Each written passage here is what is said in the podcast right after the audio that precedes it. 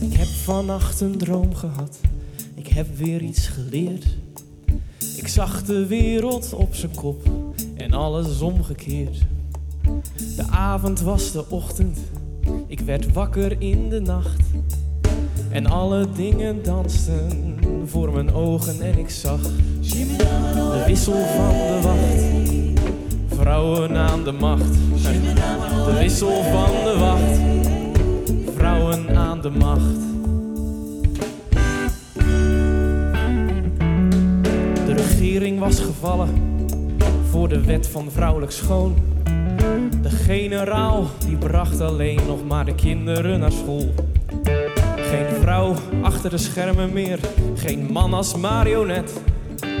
De koningin had met gevoel de koning mat gezet. En het was mooier dan ik dacht, wat ik zag vannacht. Ik zag de wissel van de wacht, ik zag de vrouwen aan de macht. Nee, vrouwen zijn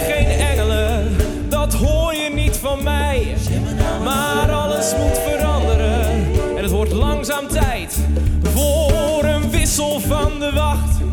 Oh, vrouwen aan de macht, het was mooier dan ik dacht. Oh, wat ik zag vannacht, ik zag de vrouwen aan de macht. En wat een mooie toekomst, vrouwen aan de macht. Zij nemen ons uit eten en ze betalen het gelach. En wij luisteren en lachen en zij doen voor ons hun best. Zij maken carrière, oh, en ze sterven van de stress. Het was mooier dan ik dacht, wat ik zag vannacht. Ik zag de wissel van de wacht, oh, ik zag de vrouwen aan de macht. Ja, het was mooier dan ik dacht, wat ik zag vannacht. Ik zag de wissel van de ik zag de vrouwen aan de macht. Ik zag de wissel van de wacht. Ik zag de vrouwen aan de macht. Ik zag de wissel van de wacht. Ik zag de vrouwen aan de macht.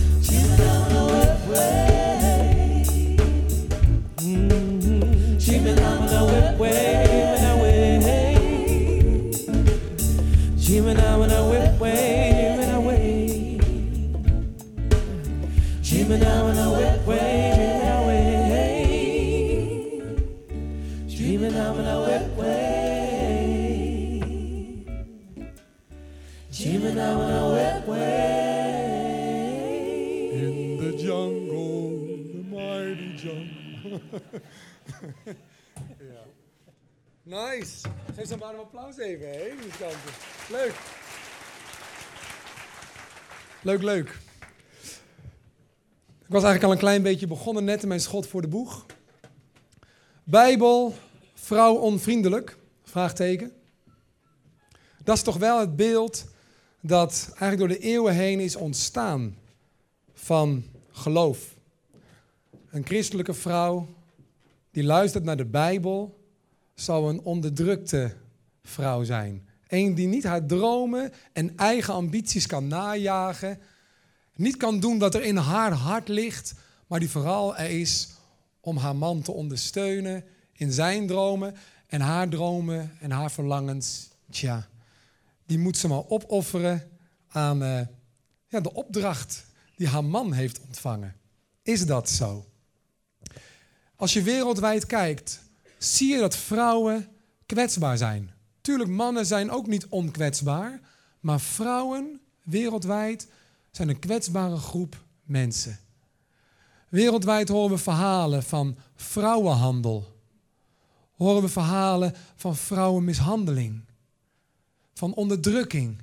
En vaak zijn het de mannen die in plaats van hun vrouw dienen, helpen, tot bloei laten komen, soms ook onderdrukken en schade brengen.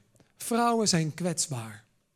En als je naar de Bijbel kijkt, dan zie je dat God, omdat vrouwen zo kostbaar en uniek zijn in hun eigenheid, juist zegt: vrouwen zijn te kostbaar om zo te behandelen. Vrouwen zijn van grote, grote waarde.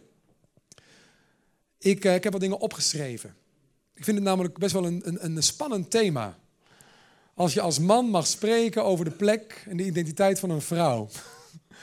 Voor je het weet zitten vrouwen te luisteren met, nou wat ga je mij nu zeggen? Wat mag ik allemaal van jou? Mag ik werken buiten de deur of niet als ik kinderen heb? Uh, wat moet ik doen? Dus ik heb me goed voorbereid en ik heb ook dingen opgeschreven. Ik zal hier en daar ook dingen voorlezen die ik thuis opgeschreven heb. Om, uh, om niet van mijn padje te raken als impulsieve man die ik ben. Ik lees je een stukje voor. Er wordt wel eens gesproken dat de Bijbel vrouwen als minderwaardig ziet. Dat de man belangrijker is en dat de vrouw hem maar moet volgen, niet moeilijk moet doen en op zichzelf, in zichzelf, niet zoveel voorstelt. Zeker niet gelijkwaardig aan een man. Vandaag wil ik dat krachtig tegenspreken en jou laten zien hoe onvoorstelbaar hoog de waarde en de positie, de unieke positie van een vrouw is in Gods ogen in deze wereld.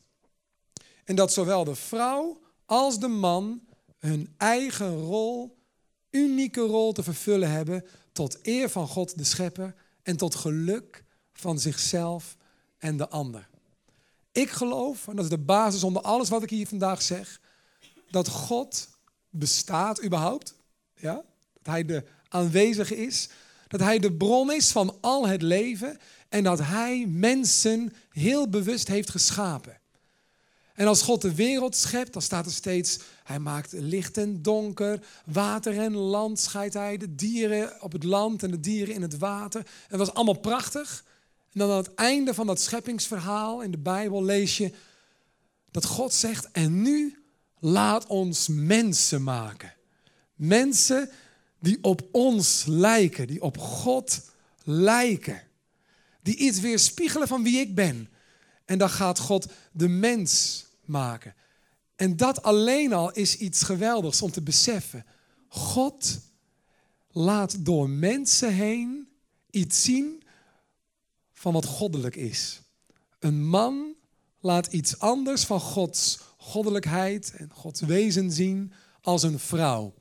Wat een vrouw kan laten zien van Gods karakter, van Gods wezen, is iets wat een man nooit kan laten zien. Al doet hij nog zo zijn best. Dan kan hij allerlei taken oppakken en aanleren. Uh, door opvoeding of wat dan ook. Een man is een man en een vrouw is een vrouw. En dat is niet hetzelfde. Wel gelijkwaardig, zal ik vaak zeggen vandaag, maar niet gelijk. Ik wil je een stukje laten zien uit de Bijbel waar dat ook staat. In Genesis staat, wat ik net ook vertelde. God zei, nu wil ik, ik heb er zin in, nu wil ik mensen maken. Ze moeten op mij lijken. Ze zullen de baas zijn over, dan komt een hele opsomming, maar kortom, over de hele aarde. Toen maakte God de mensen. Hij maakte de mensen zo dat ze op hem leken. Hij maakte ze als man en als vrouw. En God zegende de mensen. Gaat het verder.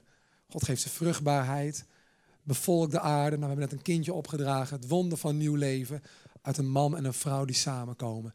Het is bijzonder, het is een wonder. Maar zie je wat er net stond? Kan je het nog eens terughalen, René? Wat ik onderstreept heb. Hij maakte ze zo dat ze op hem leken. En dan komt erachter, God maakte de mensen als man en als vrouw. Tegenwoordig hebben we het vaak over ehm, humanistisch zijn, hè, eh, van mensen houden en, en mensen uh, belangrijk vinden en, en gaan voor de waarde van het leven van een mens. En daar sta ik helemaal achter. Maar God gaat een stap verder. Een mens is niet alleen maar mens, maar een mens is man, identiteit.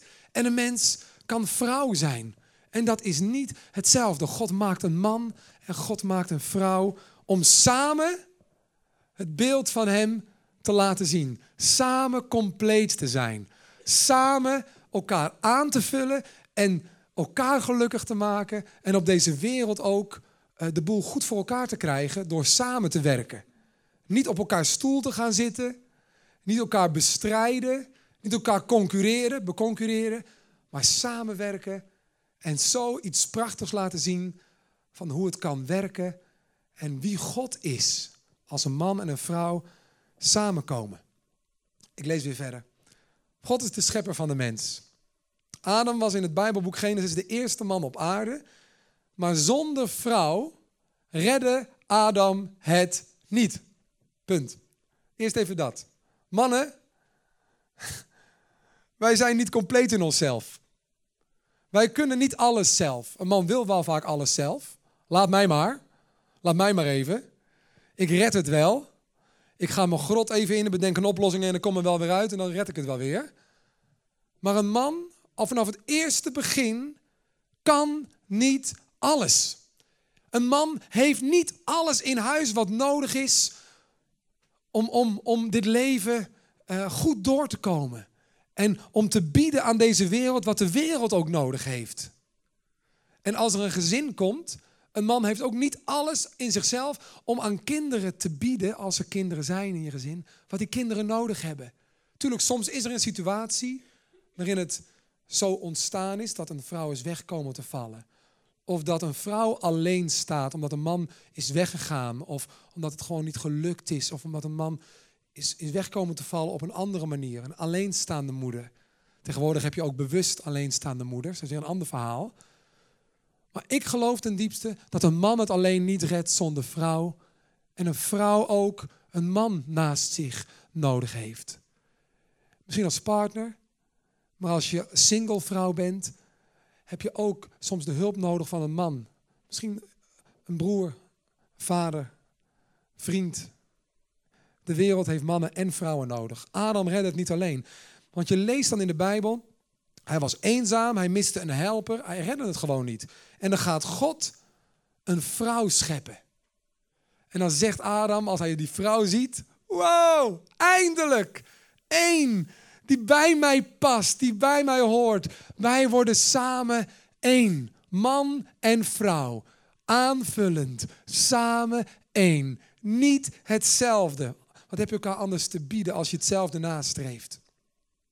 Dus eerste punt, heel duidelijk. Samen kunnen mannen en vrouwen iets van God laten zien. En laten we zien wie de God is. Als mannen tot hun doel komen in een mannelijke identiteit, en dat komt later in deze serie nog, in de, in de, in het themadag Papa, Papa-dag. Um, als mannen tot bloei komen in een mannelijke identiteit en de hartsverlangens die daarbij horen, dingen die op je hart geschreven zijn als man, dan worden vrouwen gelukkiger in een omgeving. En andersom, als een vrouw tot volle bloei komt en bestemming in haar vrouwelijkheid en daaruit durft te gaan leven vanuit wat er in haar hart diep van binnen is geschreven, haar hartsverlangens, haar vrouwelijkheid, als die de ruimte krijgt, als die er mag zijn, dan worden mannen en ook de vrouwen trouwens in haar omgeving en zeker ook als er kinderen zijn, gelukkiger. Ik was van de week uh, tien jaar getrouwd met Suzanne afgelopen donderdag. En we zijn uit geweest samen naar theater in Purmerend. En we zijn naar Lenette van Dongen gegaan. Ken je die? Cabaretière. En uh, zij had een verhaal over haar, uh, haar uh, partner. En zegt, dat is een echte vent, zei ze. Eentje met een drillboor, die gaat klussen. Deed ze helemaal na zo. En dan ging hij in de tuin ging hij de boel even doen. En dan ging hij de muur witten. Alles heel stoer. En dan zegt ze, hoe meer man ik naast me heb, des te meer vrouw ik kan en durf te zijn. Wie op je koffie, schat? En ik, zeg, ik ben een sterke vrouw. Ik ben een vrouw die veel mogelijkheden heeft. Maar ik verlang toch naar een echte vent naast me. Want ik vind het ook fijn om gewoon vrouw te kunnen zijn. En niet de dingen op te pakken die hij allemaal laat liggen. Als een vrouw vrouw is en een man man, maken ze elkaar gelukkiger.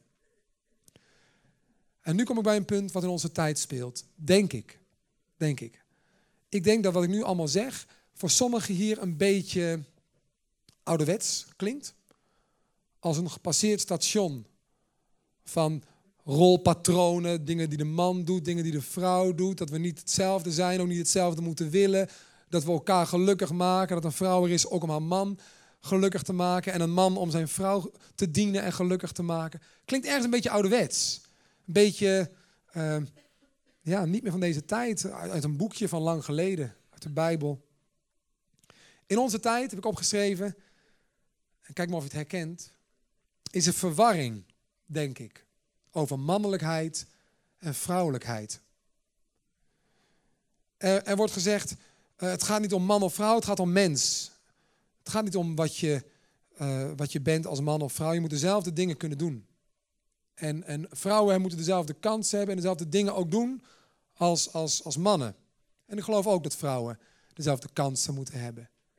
Maar niet de kans om een man, uh, ja, om de mannenrol op zich te nemen, maar de kans om tot volle bloei te komen als vrouw. Tegenwoordig worden jongens en meisjes haast op dezelfde manier opgevoed soms. Dus dat wordt een beetje nagestreefd. Ook in de klas worden nu veel boeken geschreven over de vervrouwelijking van het onderwijs bijvoorbeeld. Waarin jongetjes die een beetje actief zijn, een beetje druk en fysiek zijn en willen stoeien en weet ik veel, de grenzen opzoeken. Rustig, rustig, rustig. Zo erover praten. Wat voel je erbij, weet ik veel. Dat jongetjes, ja, dat jongetjes in de klas, ik heb er zelf een zoon, een druk te maken van bijna vijf ja, er wordt binnenkort ook al een keer naar gekeken van... hey, uh, hij is wel erg druk en zou hij misschien ook uh, een soort stempeltje kunnen krijgen daarover. Um, en ik heb nu een boek gekocht, het heet Jongens zijn het... waarin een of andere historica zegt... dat de eigenschappen waar je honderd jaar geleden als man voor werd geprezen... nu als lastig en ongepast worden omschreven. Want de maatschappij, en zeker in het onderwijs, ja, vervrouwelijkt een beetje.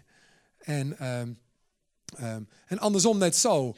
Van vrouwen worden dingen gevraagd die 100 jaar geleden niet werden gevraagd en die soms wel een kramp kunnen veroorzaken.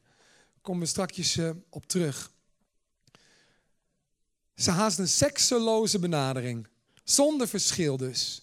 Verwachting en het voorbeeld dat voor ogen wordt gesteld is, is soms gelijk. Er is veel om te doen.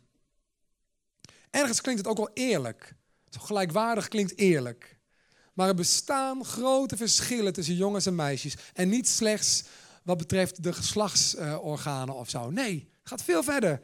De hersens van mannen en vrouwen zijn verschillend in het functioneren. We zijn ten diepste anders. Onze ziel, onze verlangens, ons hart is verschillend. En dat is prachtig. Dat is iets om te vieren, om blij van te worden. Want samen zijn we compleet. Diep gewortelde verlangens en prikkels zijn anders. Ja, mannen en vrouwen zijn zeker gelijkwaardig in mens zijn. En geen van beiden zou op de ander moeten neerkijken of willen overheersen of concurrentie willen aangaan, zoals soms helaas gebeurt. Maar gelijk en gelijkwaardig zijn twee totaal verschillende dingen. En op het moment dat vrouwen, gevoed door nou, feminisme bijvoorbeeld, overheid, opvoeding, wat dan ook, het gevoel krijgen dat ze een strijd moeten aangaan met mannen op gebied van bijvoorbeeld productief zijn in de maatschappij, of geld binnenbrengen in het gezin, of uh, maar wat dan ook.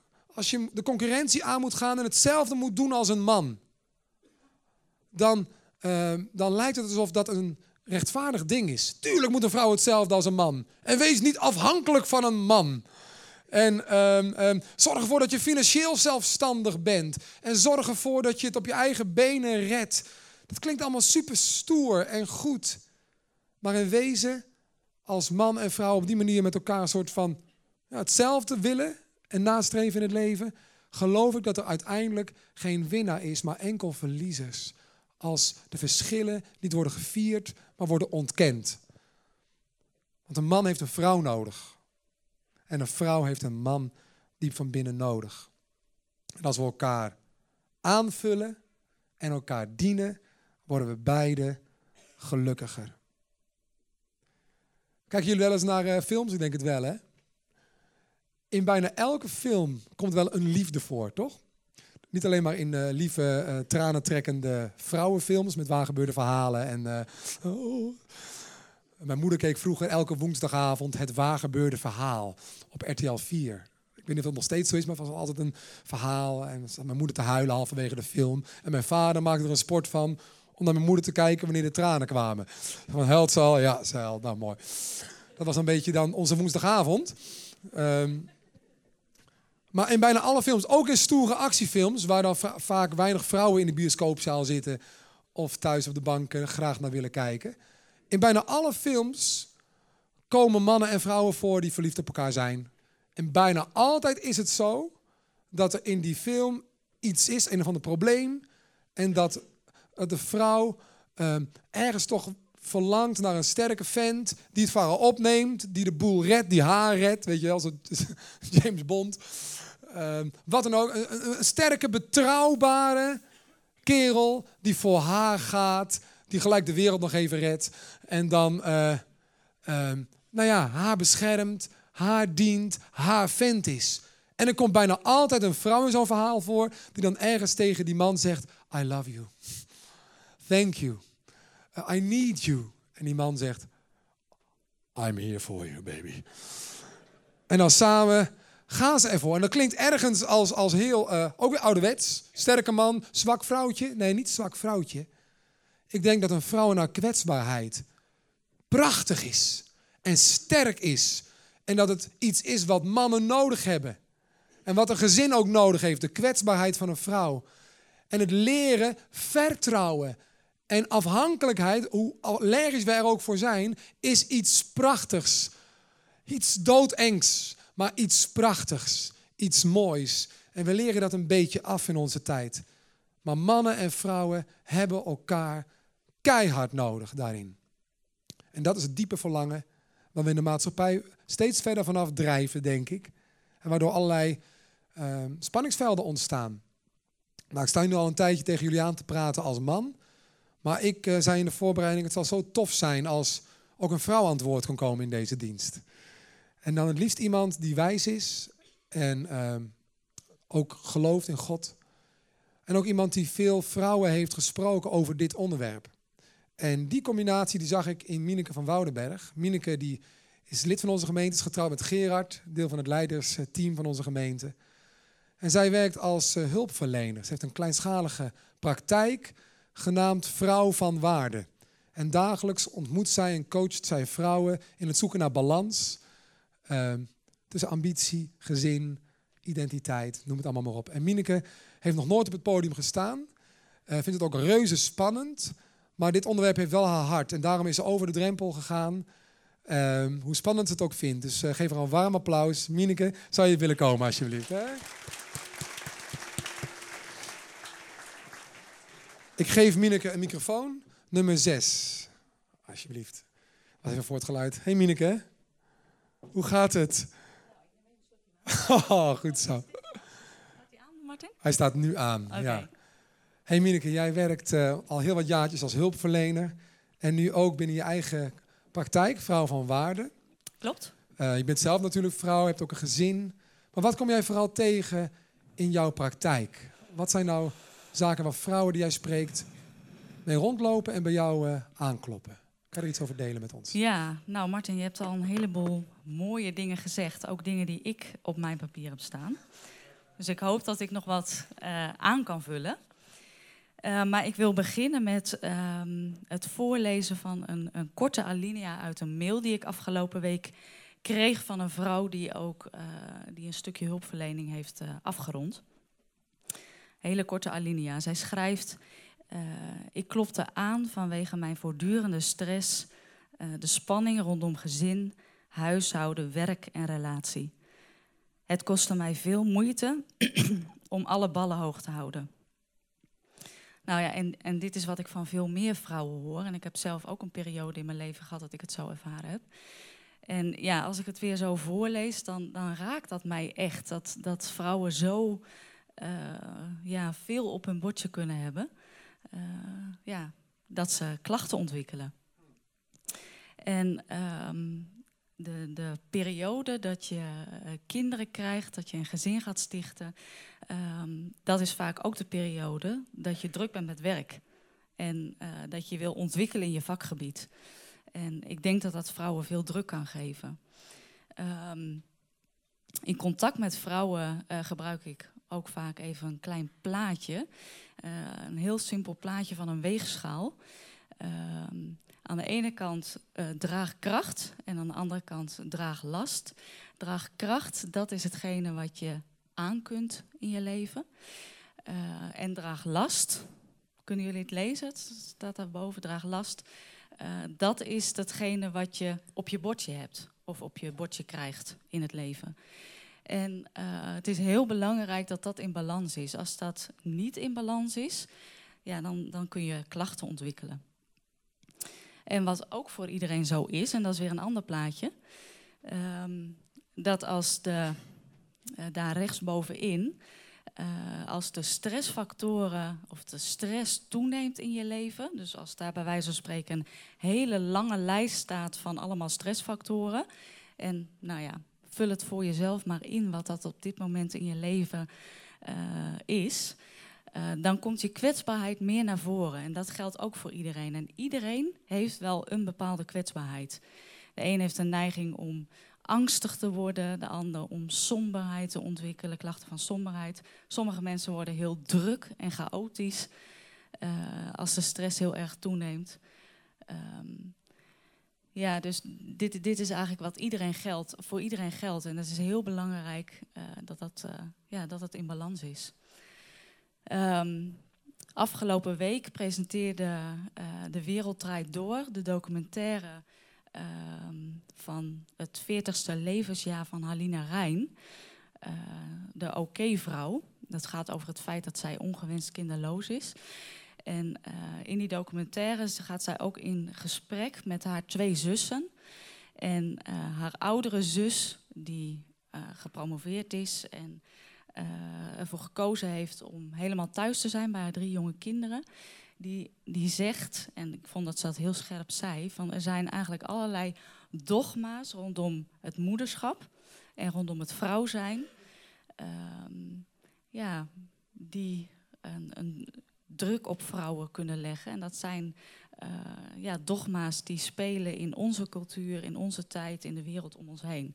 Ik vond het wel heel grappig dat ze dat zo zei. Dat de dogma's eens een keer niet uit de kerk komen of van christenen, maar dat het echt iets is wat in deze tijd speelt. En ik denk dat een voorbeeld van een van die dogma's bijvoorbeeld is dat, uh, dat je als vrouw gestimuleerd wordt om in ieder geval naar te streven naar economische onafhankelijkheid. Uh, en ook het idee dat, um, ja, dat vrouwen eigenlijk dezelfde plaats, rol en bestemming in de maatschappij moet kunnen hebben uh, als de man. En, en ja.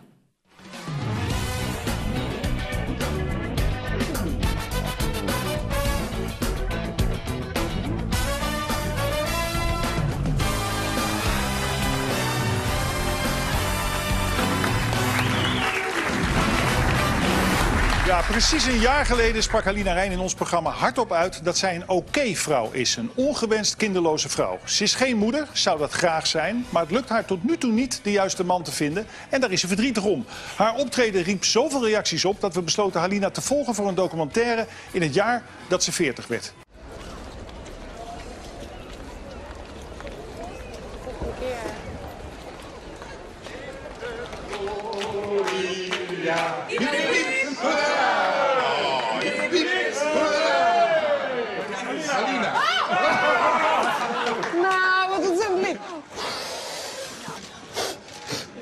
Ja, ik heb ze uit. Nou, wat ontzettend lief. Dankjewel. De voorkant van het boek. Nou, dat waardeer ik enorm. Op een gegeven moment werd het duidelijk dat ik dit boekje op mijn verjaardag moest presenteren. Dat ik dus omringd zou zijn door, door gezellige kinderen. Hoe oud was je ook weer geworden? 40. Is dat zo'n leeftijd dat je toch gaat... Mijn moeder. Mijn moeder is 33. Is jouw moeder 33? Kun je nagaan, ik word echt oud. Het is echt, eh, precies wat ze zeggen, het is toch wel een moederleeftijd. Dus zoals je vroeger dacht, dan ben je echt oud. Het is heel apart om wakker te worden. En ik, ik, heb natuurlijk bijna al mijn dromen mogen verwezenlijken. Dus dat is heel vreemd. En aan de andere kant is er ook uh, een enorme leegte. De route die zij neemt in het leven vind ik fantastisch. En vind ik krachtig en hoort denk ik helemaal bij haar. Maar het is natuurlijk ook een groot offer wat ze brengt. Om zo voor de kunst te gaan en zo voor, voor haar idealen te gaan. Um, dat is ook eenzaam.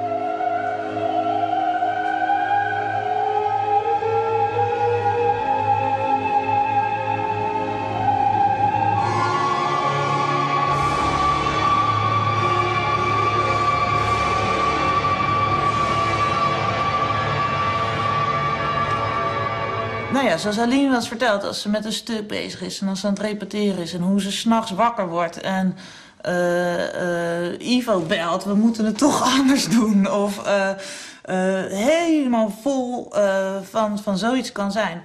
Ja, op het moment dat je een babytje hebt, um, dan, dan lukt dat je niet. Om, om zo helemaal 100% ergens in te gaan. Ik denk dat je dan een soort verscheurdheid krijgt, omdat je eigenlijk het allebei niet helemaal zo kan doen als je zou willen.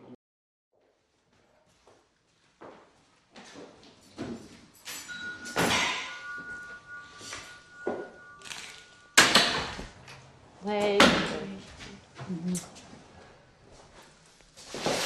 Hoe heb je geslapen vannacht? Uh, niet zo heel geweldig.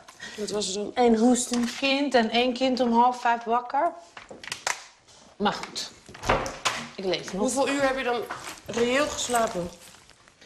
Om twaalf uur naar bed gegaan en om half vijf eruit en om één uur wakker en om half drie wakker. Dus ik weet niet precies, een paar uur. Ik worstel daar natuurlijk ook mee. Ik heb een gezin, ik, ik doe allemaal dingen voor andere mensen. Ik ben er heel veel met mijn man, die essentie en zo. Maar ik mis natuurlijk wat jij hebt, zo'n carrière. Ik, ik heb ben gepromoveerd, maar ik doe er niks mee, weet je wel. Ik ben thuis aan het plakken en knippen met uh, Billy en Olivia. Maar ik probeer me de hele tijd voor te houden dat wat ik doe ook iets heel bijzonders en speciaals. Maar wij leven gewoon in een wereld waarin dat onzichtbaar is. Hè? Waarin je daar geen credits voor krijgt. Jij krijgt credits, Duncan die maakt een hele carrière, die krijgt credits. Ja, dat heb ik niet. Ik krijg geen credits dat ik elke dag bij het schoolplein sta. Dus de, de wereld eromheen, die geeft je punten, laat maar zeggen. En uh, als je een gezin hebt, niet meer, die punten krijg je niet. Want iedereen, dat vinden ze vanzelfsprekend. Ja, dat je die kinderen... Dus inderdaad, in de eerste helft van mijn leven, tot mijn 35ste, had ik al die punten. En heel veel anderen niet. Nee, en nu is het omgedraaid. Is niet meer zo. Na je 35ste, die Moet punten... je gewoon het gezin hebben. Ja, en dan zijn dat je punten.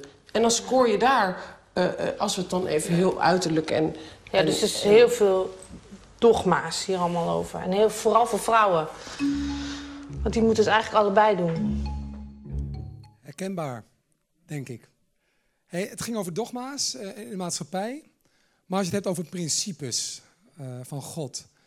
Geloof jij dat God vrouwen een bepaald hart heeft gegeven? Natuurlijk verschillen vrouwen van elkaar. Zijn allemaal uniek. Maar over het algemeen zie jij bepaalde dingen die vrouwen van God hebben gekregen en waar ze gelukkig van worden?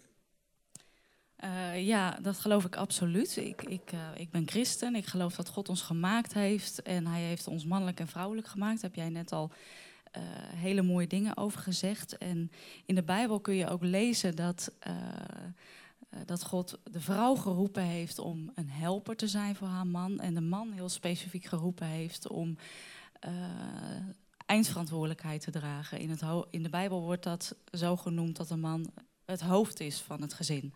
Dus eindverantwoordelijk gezag heeft. En, um, uh, wat, wat, dat betreft uh, denk ik ook dat je als man en vrouw ook het meest tot je recht komt. En dat God ook um, dingen in je heeft gelegd, specifieke gaven en talenten, om je roeping te kunnen vervullen. Wat is voor jou je eerste roeping? Nou, ik denk dat uh, mijn uh, eigen man en mijn kinderen, die moeten de eerste vruchten plukken van de gaven die ik gekregen heb van God. Ja, en dat, dat geeft mij ook voldoening. En ik denk ook dat uh, het heel belangrijk is, um, nou, om voor iedereen ook, om te zoeken van, ja, hoe hoe kan ik mijn rol hoog houden? Jij zei net al van mannen en vrouwen zijn heel verschillend.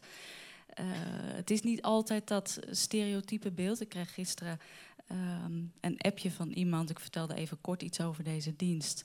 En uh, zij appte: uh, mannen zijn jagers en vrouwen zijn hoeders.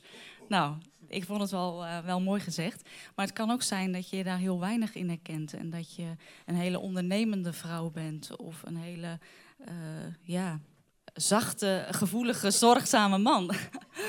ja, en, en toch denk ik dat ook dan de uitdaging is van, uh, ja, hoe kan ik um, ja, dat, dat wat God uh, aangeeft, van dat is je eerste roeping, ja, hoe kun je dat toch die rol hoog houden.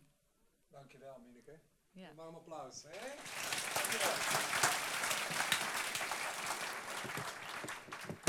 wil uh, nog één ding met jullie uh, delen. Want natuurlijk is de fase van je leven als vrouw best wel belangrijk in dit verhaal. Ik wil nu nog iets vertellen over de fase van getrouwd zijn eventueel. En misschien ook wel moeder zijn geworden. Dit bordje heb ik een paar jaar geleden ook eens meegenomen. En dat raakt mij altijd. Het hangt bij ons in de gang. Misschien hebben veel mensen wel van die home en love en zo. Van die woordjes in huis hangen, om het niet te vergeten of zo. Van waar ben ik? Oh, home. Um, maar hier staat: Home is where our story begins. Je kunt het waarschijnlijk niet lezen op afstand. Maar thuis, niet alleen maar huis, maar thuis is waar ons verhaal begint. En dat geloof ik echt. Ik geloof dat als je thuis harmonie hebt en vrede en rust, dat je dan de rest van je leven dat meeneemt in alles wat je doet. Voor jezelf, voor je partner, maar ook voor jouw kinderen, als je die gekregen hebt, is thuis de plek waar hun leven begint. En het is maar een betrekkelijk korte tijd dat je kinderen thuis zullen zijn. En als je kinderen thuis zijn, dan heb jij samen met je man de invloed op hun leven die een leven lang meegaat. Het is maar een betrekkelijk korte tijd dat je die invloed zo intens kunt hebben en die gaat een leven lang mee. Mijn vrouw is ook hulpverlener en zij uh, heeft het vaak over hechting gehad en gelezen. En ik met haar. De hechting wil zeggen dat je in staat bent om je te verbinden met andere mensen en relaties op een goede manier, een veilige manier aan te gaan. Dat leren we al heel vroeg in ons leven en dat leren we thuis. Als wij voelen dat de mensen, onze papa en onze mama om ons heen, die eerste jaren, ruimte en tijd en aandacht voor ons hebben en energie om die relatie echt aan te gaan, dan leren we ons veilig hechten en hebben een heel leven wat aan. Maar de eerlijkheid gebied te zeggen dat de rust en de balans en de vrede in veel gezinnen heel ver te zoeken is. En tuurlijk is dat iets van man en vrouw samen. Tuurlijk, absoluut. Over mannen gaan we het nog hebben. Maar als ik bijvoorbeeld kijk naar de druk die er is in gezinnen waarin beide partners fulltime werken, kinderen overal heen moeten racen, daarna nog snel moeten koken, helemaal kapot zijn bijna altijd, geen ruimte, geïrriteerd, geprikkeld, gewoon tegen een burn-out hangend. Dat zijn heel veel gezinnen. Moe, hoe is het? Moe. Hoe zou het volgende week zijn? Moe. Hoe ging het vorige week? Moe. Vind je het leven nog leuk? Nee. Heel veel gezinnen leven zo. In Vathorst, hier vlakbij, is het scheidingspercentage momenteel 1 op de twee huwelijken.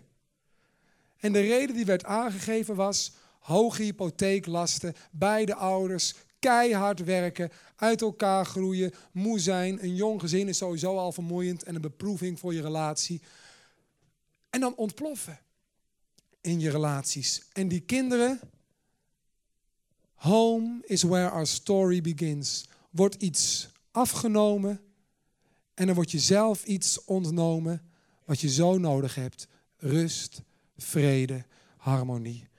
En er zijn veel vrouwen, ook hier vandaag, die misschien ergens een beetje verdrietig worden of misschien zelfs geïrriteerd of boos op mij dat ik dit zo zeg, omdat je denkt ik heb geen keuze. Ik moet wel. Wij moeten beide werken. Of ik heb geen partner, ik moet wel. Ben ik nou een slechte moeder of zo? Zeg je dat tegen me vandaag? Nee, dat zeg ik niet. Maar ik zeg wel dit.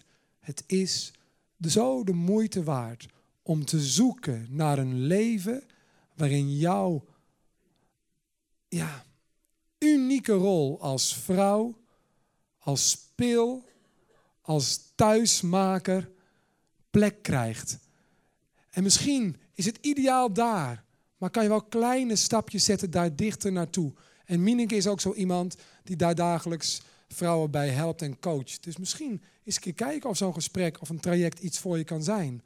Is er een mogelijkheid om te groeien naar een uh, volgende stap? Het laatste wat ik daarover nog wil zeggen.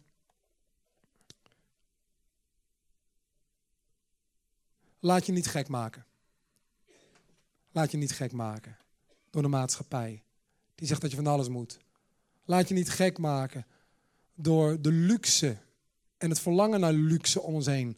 Dat mensen in het ongeluk stort en veel te hard laat rennen. Laat je niet gek maken.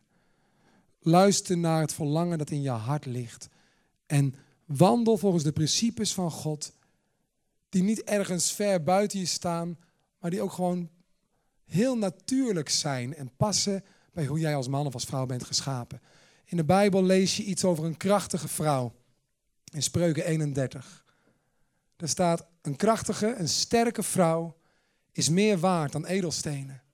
Haar man vertrouwt op haar. Zie je, een wederzijdse afhankelijkheid, steunen op elkaar. En daarom gaat het goed met hem. Doordat hij op haar vertrouwt, naar haar luistert. Haar kinderen zijn trots op haar. Haar man vindt haar geweldig. Geef haar de eer die ze verdient. En als je de rest van dat stuk zou lezen, dan lees je wat die vrouw allemaal doet. Ik zal je een klein stukje meegeven. Dan lees je een sterke vrouw zoekt wol en mooie stoffen. Ze maakt prachtige kleren. Ze neemt voedsel mee naar huis, overal vandaan. Ze staat vroeg op. Ze geeft opdrachten aan de mensen om haar heen. Ze managt het huis. Ze, ze onderneemt. Ze werkt hard. Ze helpt mensen die niets hebben. Ze is zorgzaam voor armen. Niemand in haar huis hoeft bang te zijn voor de kou, want zij heeft warme kleren voor iedereen. Ze is mooi, ze ziet er krachtig uit. Ze is dankbaar voor een nieuwe dag. Ze spreekt wijze woorden. Ze is vriendelijk. Enzovoort, enzovoort.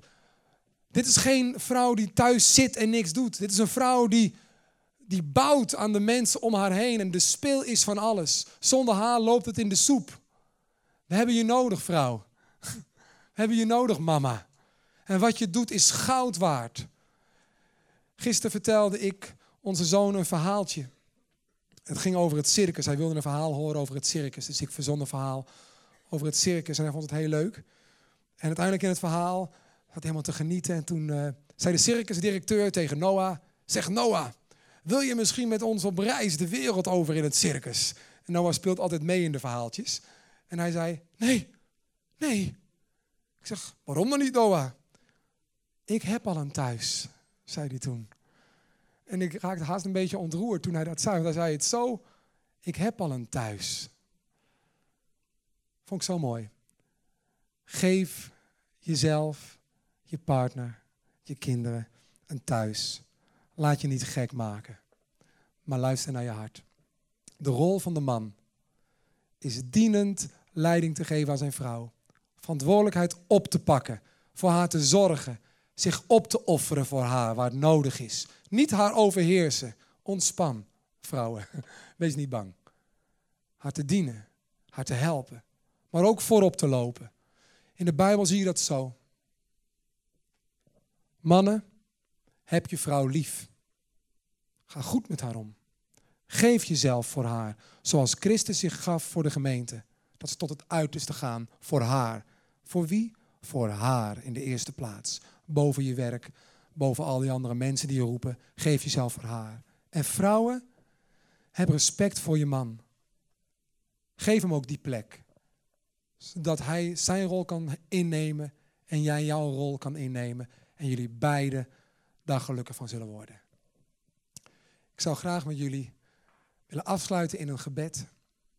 En ik kan me voorstellen dat dit veel vragen oproept, ook over de praktijk van jouw leven. Maar er is ruimte voor na afloop van deze dienst.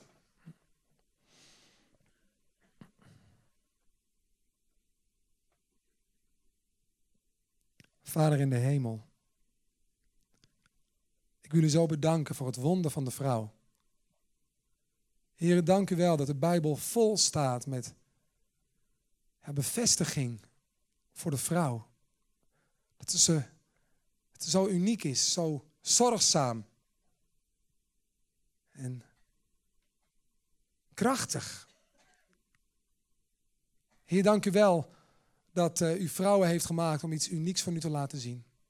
Dank u wel voor wat alle vrouwen, ook hier vandaag, betekenen voor hun omgeving. En Heer, ik wil bidden dat ze daar diepe vrede en dankbaarheid over zullen ervaren. Dat ze niet de punten zullen willen scoren van alles en iedereen, maar dat ze gelukkig zullen zijn met de mensen in hun eigen omgeving.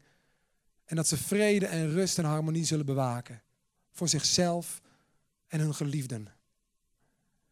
En als er vrouwen zijn vandaag die alle ballen ook omhoog moeten houden, die het gevoel hebben dat ze het niet redden, dat het niet lukt, dat het uit balans is. Heer, geef ze alstublieft de moed om veranderingen aan te brengen. Het liefst als er een partner is met hun partner samen. Heer, geef ze de moed om hulp te zoeken. Geef ze, geef ze een nieuwe weg. Een weg naar leven. Een weg naar liefde en blijdschap. Naar balans en licht en ruimte. Vader, dank u wel dat u goed voor ons bent. En dat u niets liever wil dan liefde en geluk in onze gezinnen. En dank u wel voor de unieke rol van vrouwen daarin. Nogmaals, in Jezus' naam. Amen. Amen.